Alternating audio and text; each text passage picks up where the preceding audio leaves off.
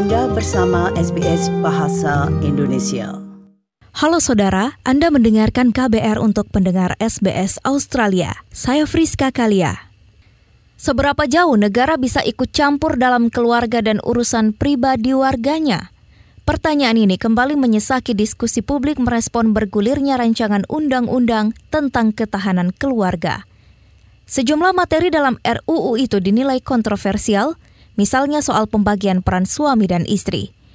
Simak ulasan Simak liputan khas yang disusun tim KBR. Adanya rancangan undang-undang mengenai ketahanan keluarga itu malah bersifat diskriminatif, justru malah mengkotak-kotakan antara peran uh, seorang ibu dan seorang ayah. Ya menurut saya juga negara seharusnya nggak usah seribet itu sih buat ngurusin urusan rumah tangga warga negaranya yang memang itu menjadi uh, ranah privasi setiap keluarga. Rini tak habis pikir dengan munculnya rancangan undang-undang ketahanan keluarga.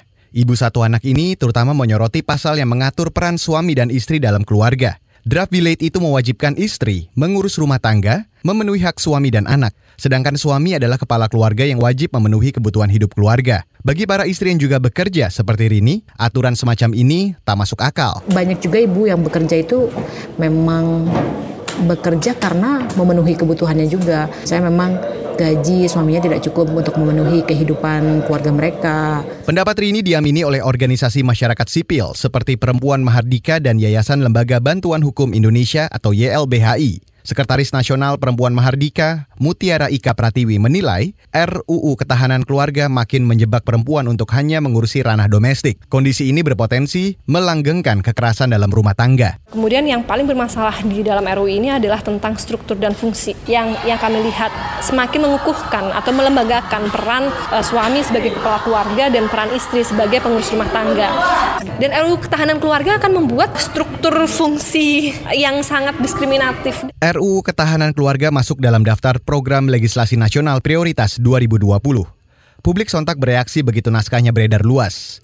Belakangan diketahui rancangan aturan ini diusulkan lima anggota DPR dari sejumlah fraksi, salah satunya Ali Taher. Menurutnya, RUU tersebut bertujuan memperbaiki kualitas hidup berkeluarga. Politikus Partai Amanat Nasional ini mengaku prihatin dengan tingginya angka perceraian. Sekarang ini banyak perceraian banyak keluarga yang ditinggalkan, entah istri meninggalkan suami, antara suami meninggalkan istri dan anak-anak. Ada pekerja migran ke luar negeri juga problem. Jadi itu kan banyak hal yang memerlukan solusi agar keluarga tetap terjaga, terbina dengan baik, kemudian juga tidak meninggalkan beban-beban psikologis, juga ekonomi terhadap masa depan anak-anak mereka maupun keluarganya. Selain Ali, empat pengusul lain adalah Neti Prasetyani dan Ledia Hanifa dari PKS, Sodik Mujahid dari Gerindra, dan Endang Maria Astuti dari Golkar. Usai memicu polemik, beberapa fraksi mulai menarik diri dan menyebut RUU itu usulan pribadi anggotanya. Anggota fraksi Golkar Aceh Hasan Syazili mengklaim draft RUU tersebut tidak pernah dibahas di internal partainya. Sikap sama juga ditunjukkan anggota fraksi Gerindra Sufmi Dasko Ahmad Sufmi berjanji bakal melakukan kajian mendalam sebelum menyetujui RUU itu. Akan kita sama-sama cermati, kita juga tidak akan pengen ada undang-undang yang kemudian nanti menuai kontroversial yang menurut beberapa kalangan ada beberapa hal yang perlu dicermati. Beberapa pasal juga berpeluang memicu kontroversi. RUU Ketahanan Keluarga melabeli homoseks, lesbian, kemudian aktivitas seksual, sadisme, dan masokisme sebagai penyimpangan seksual. Orang dengan perilaku seperti ini harus dilaporkan dan direhabilitasi.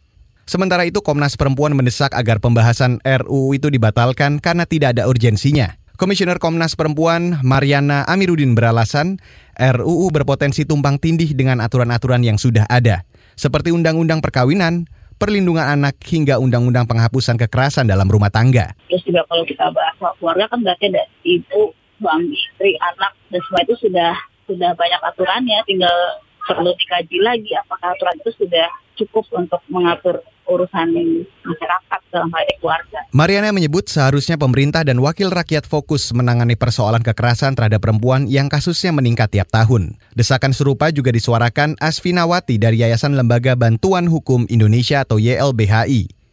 Menurutnya, jika RUU itu disahkan, maka Indonesia akan menjadi negara otoriter karena kebablasan mengatur urusan pribadi warganya. Semua ketentuan itu kan kalau di undang-undang ada pengawasan. Berarti dalam bayangan saya nanti negara itu akan punya alat untuk mengawasi keluarga-keluarga. Itu jadi negara otoriter nanti kalau kita masuk sampai sana. Menanggapi riuhnya protes publik, Wakil Presiden Maruf Amin berjanji bakal mendengarkan aspirasi semua kalangan. Kata dia, pemerintah bakal mempertanyakan basis argumen DPR dalam mengusulkan rancangan regulasi ini. Nah kami dari pemerintah tentu ya kita melihat seberapa urgensinya, seberapa DPR memberikan landasan berpikirnya buat apa, kemudian juga bagaimana uh, tanggapan reaksi masyarakat, dan kita akan menugaskan uh, menteri terkait untuk membahas rancangan undang-undang itu. Demikian laporan yang disusun tim KBR. Saya Reski Mesanto. Laporan tadi menutup kebersamaan kita kali ini. Saya Friska Kalia. Sampai jumpa di episode berikutnya. Anda ingin mendengar cerita-cerita seperti ini? Dengarkan di Apple Podcast, Google Podcast, Spotify, atau di mana pun Anda mendapatkan podcast Anda.